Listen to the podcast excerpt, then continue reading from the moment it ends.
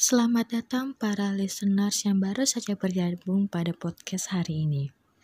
Pada kesempatan kali ini, saya beserta dengan teman-teman saya akan membawakan tema tentang strategi coping stress pada masa pandemi COVID-19. Sebelum kita masuk ke dalam tema pada hari ini, saya ingin memperkenalkan teman-teman saya yang cantik-cantik semua. Yang pertama ada Selmi Oktarin. Yang kedua ada Fijar Dwi Yuniarti, Dede Dwi Rahayu, Olivia Febriani Buruginting, dan Sri Oktavianita. Baik, teman-teman pendengar semua pasti bertanya-tanya kan, mengapa kami kok mengambil tema tentang strategi coping stress pada masa pandemi. Jadi, kami telah melakukan sebuah survei yang menunjukkan bahwa selama pandemi COVID-19 ini, para pendengar semua merasa tertekan dan juga merasa stres yang mengakibatkan produktivitas kita menjadi menurun. Benar bukan? Coba acungkan tangan jika benar. Baik, eh, di sini saya beserta dengan teman-teman saya akan memberikan sebuah materi tentang apa itu stres, bagaimana dan bagaimana juga apa itu coping stress dan juga tipe-tipe stres juga itu seperti apa, seperti itu. Sehingga teman-teman pendengar semua ini dapat menerapkan strategi coping stress dengan baik sehingga produktivitas kita menjadi meningkat. Oke, materi pertama dijelaskan oleh Mbak Selmi apa itu coping stress, macam-macam stres itu seperti apa dan dan seperti apa sih itu coping stress? Silahkan Mbak Selmi untuk diberikan materinya. Baik, terima kasih untuk kesempatannya. Di sini saya akan menjelaskan tentang apa itu coping stress, kemudian golongan stres dan juga coping yang efektif itu yang seperti apa. Langsung saja kita ke pengertian coping stress. Menurut Lazarus, coping stress itu merupakan suatu upaya kognitif dan perilaku untuk mengelola tuntutan yang berasal dari luar dan atau dalam diri yang dinilai sebagai beban atau tekanan. Lalu ada juga Sarason yang mengartikan coping stress itu sebagai cara untuk menghadapi stres yang mempengaruhi bagaimana seseorang mengidentifikasi dan mencoba untuk menyelesaikan masalah. Nah, secara sederhana dapat kita simpulkan bahwa coping stress itu adalah sekumpulan pikiran dan perilaku yang berupaya mengatasi situasi dan tuntutan yang menekan seperti itu. Lalu kita lihat golongan dari stres. Nah, Sally itu menggolongkan stres menjadi dua. Yang pertama, distress. Distress itu merupakan stres yang merusak atau bersifat tidak menyenangkan. Nah, stres yang dirasakan itu sebagai suatu keadaan di mana individu mengalami rasa cemas, ketakutan, khawatir, atau gelisah. Lalu yang kedua itu ada eustress. Eustress itu bersifat menyenangkan dan merupakan pengalaman yang memuaskan. Eustress ini dapat meningkatkan motivasi individu untuk menciptakan sesuatu, misalnya menciptakan karya seni.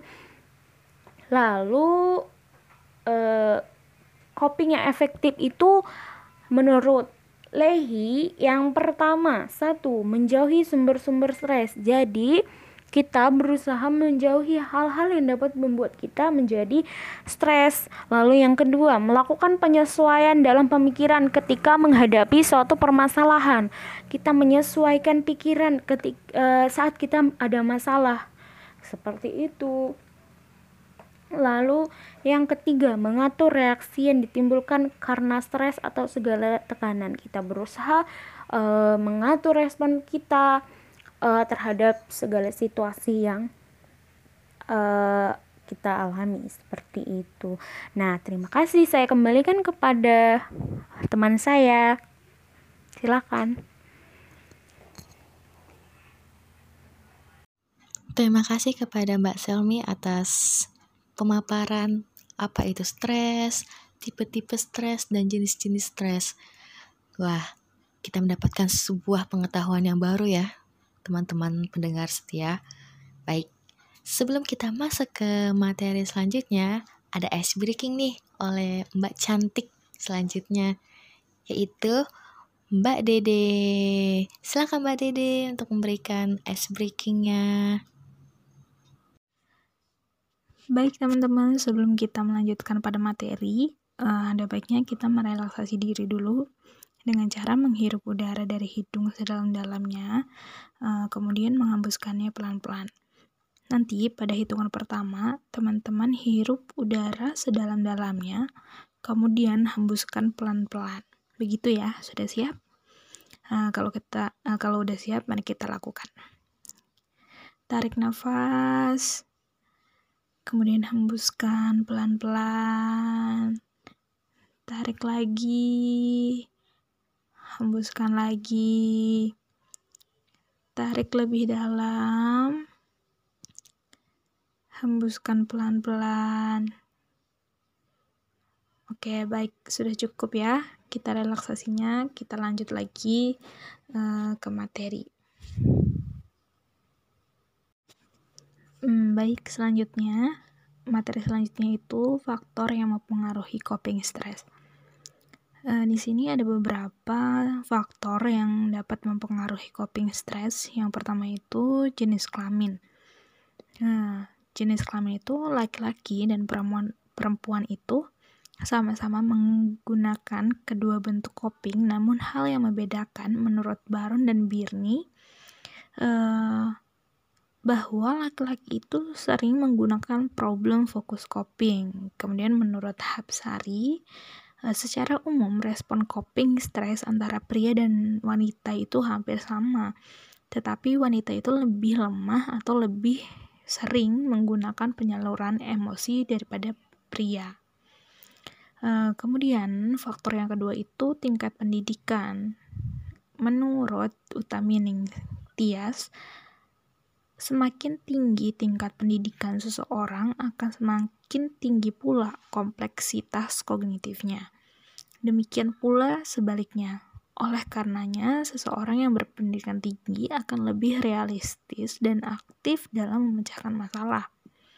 Individu yang mengenyam pendidikan yang baik memiliki proses penilaian dan pemecahan masalah yang lebih realistik dan aktif.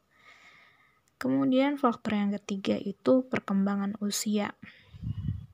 Garmezi itu menyatakan bahwa coping stress itu akan berbeda untuk setiap tingkat usia. Pada usia muda akan menggunakan problem fokus coping, sedangkan pada usia yang lebih tua itu akan menggunakan emotion fokus coping. Hal ini tuh disebabkan pada orang yang lebih tua itu memiliki anggapan bahwa dirinya itu tidak mampu uh, melakukan perubahan terhadap masalah yang dihadapi, uh, sehingga akan bereaksi dengan mengatur emosinya daripada pemecahan masalah.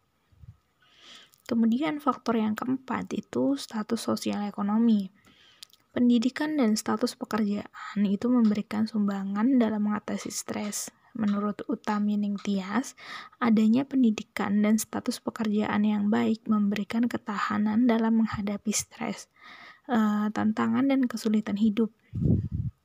Kemudian, uh, seseorang dengan status sosial ekonomi yang lebih rendah akan menampilkan coping yang kurang aktif, kurang realistis, dan juga lebih fatal atau menampilkan respon menolak dibandingkan dengan uh, seseorang yang status ekonominya itu lebih tinggi. Kemudian faktor yang kelima itu ada faktor kepribadian.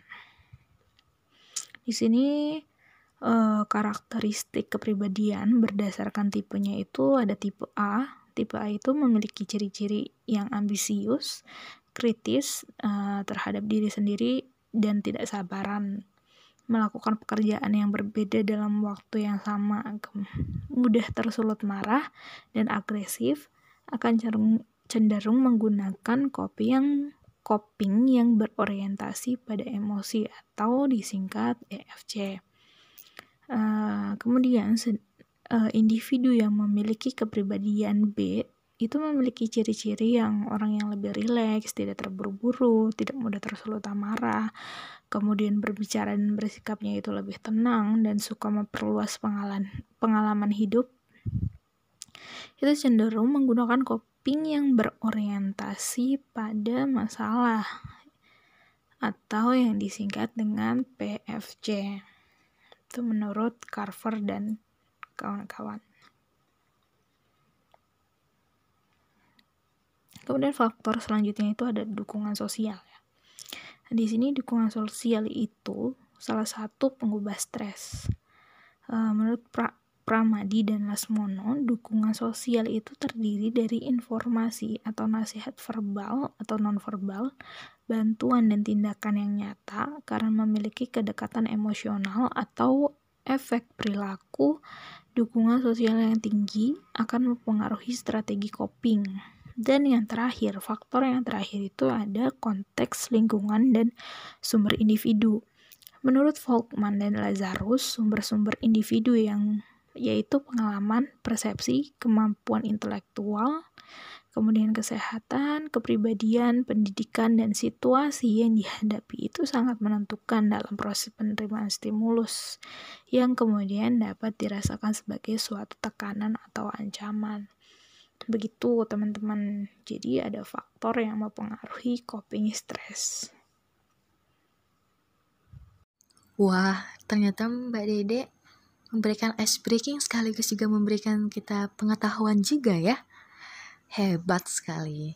Oke, selanjutnya kita akan masuk ke dalam tips-tips untuk mengatasi stres pada pandemi COVID-19 ini. Baiklah, kepada Mbak Olive, silahkan untuk memberikan tips-tips kepada pendengar semua untuk mereka dengarkan.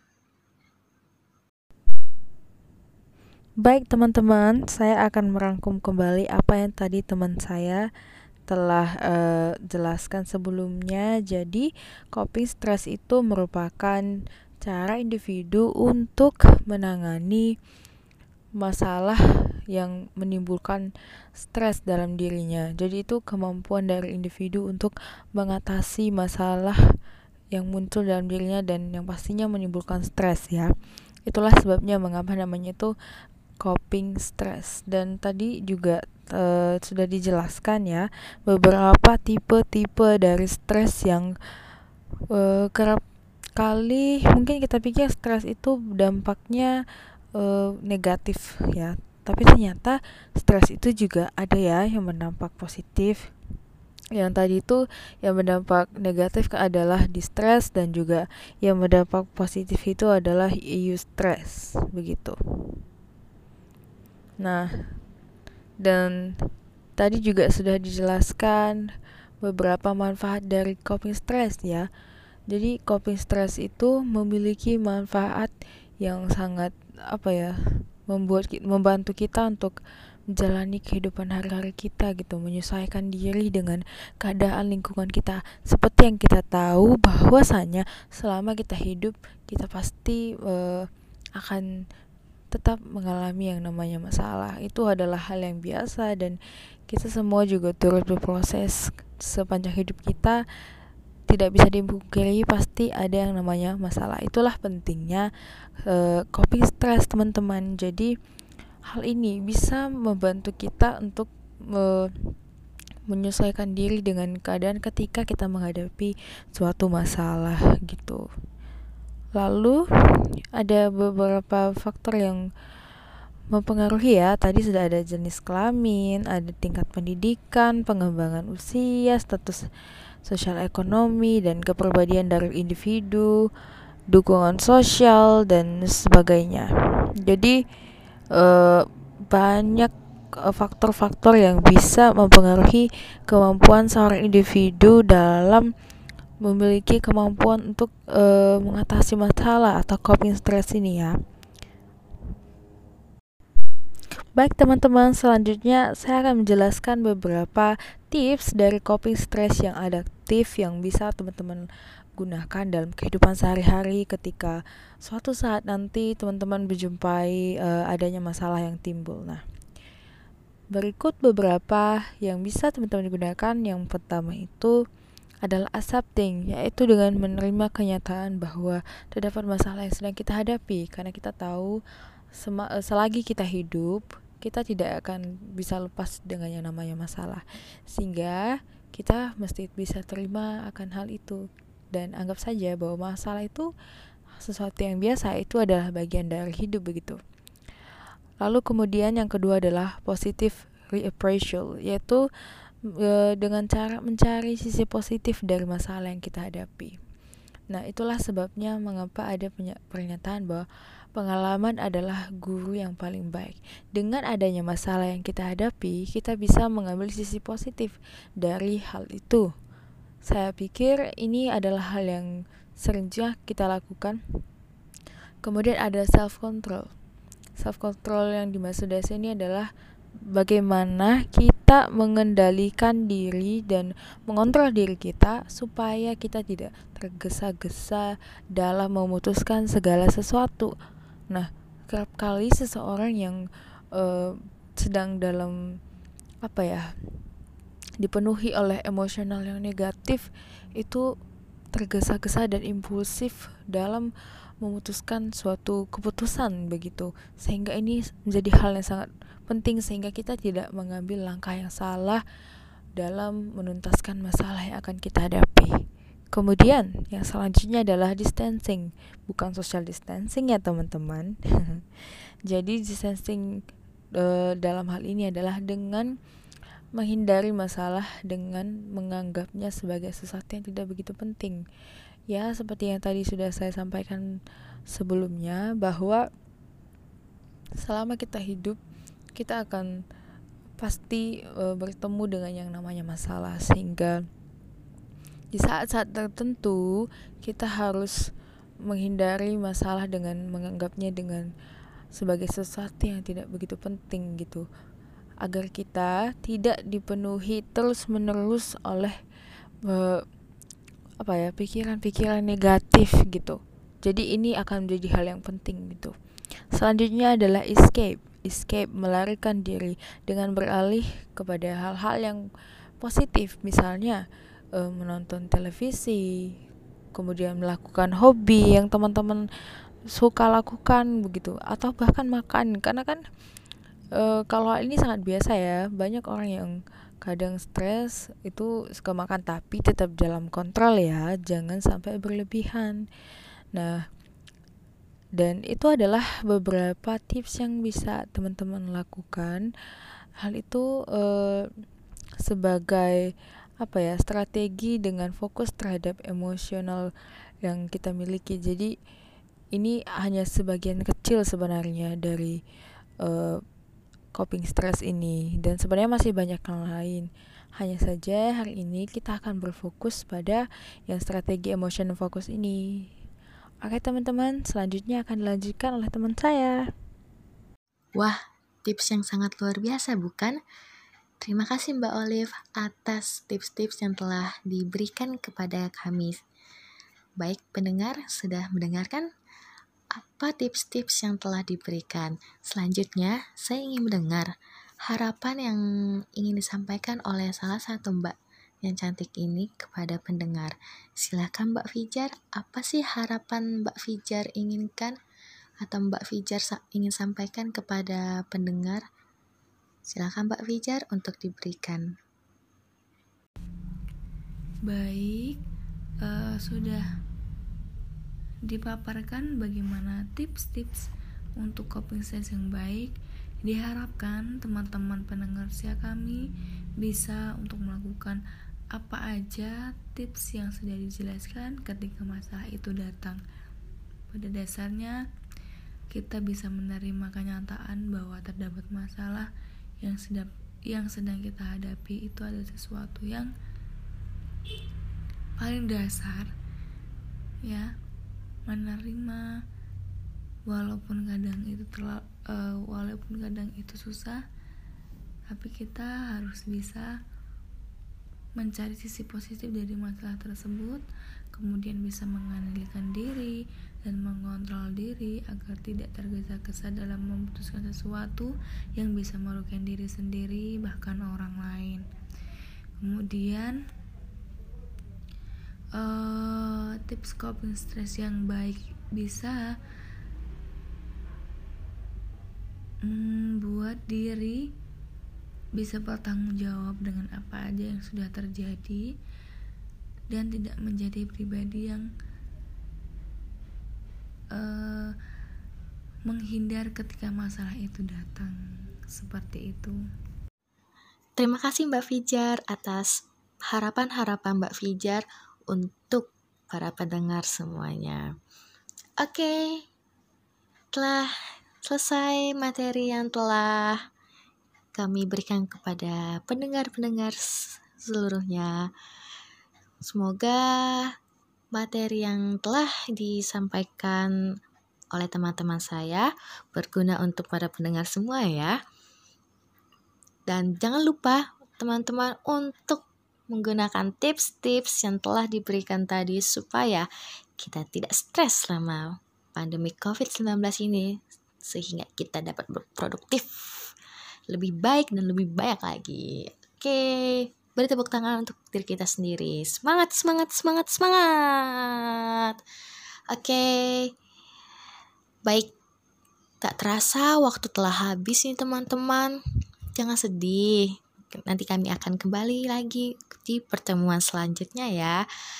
Dan kami pamit untuk undur diri.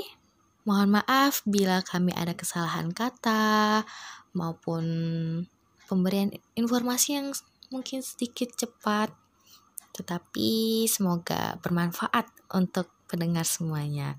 Terima kasih dan sampai jumpa. Terima kasih Mbak Fijar atas harapan-harapan Mbak Fijar untuk para pendengar semuanya. Oke, telah selesai materi yang telah kami berikan kepada pendengar-pendengar seluruhnya. Semoga materi yang telah disampaikan oleh teman-teman saya berguna untuk para pendengar semua ya. Dan jangan lupa teman-teman untuk menggunakan tips-tips yang telah diberikan tadi supaya kita tidak stres selama pandemi COVID-19 ini sehingga kita dapat berproduktif lebih baik dan lebih banyak lagi. Oke, beri tepuk tangan untuk diri kita sendiri. Semangat, semangat, semangat, semangat. Oke, baik. Tak terasa waktu telah habis nih teman-teman. Jangan sedih. Nanti kami akan kembali lagi di pertemuan selanjutnya ya. Dan kami pamit untuk undur diri. Mohon maaf bila kami ada kesalahan kata maupun pemberian informasi yang mungkin sedikit cepat, tetapi semoga bermanfaat untuk pendengar semuanya. Terima kasih dan sampai jumpa.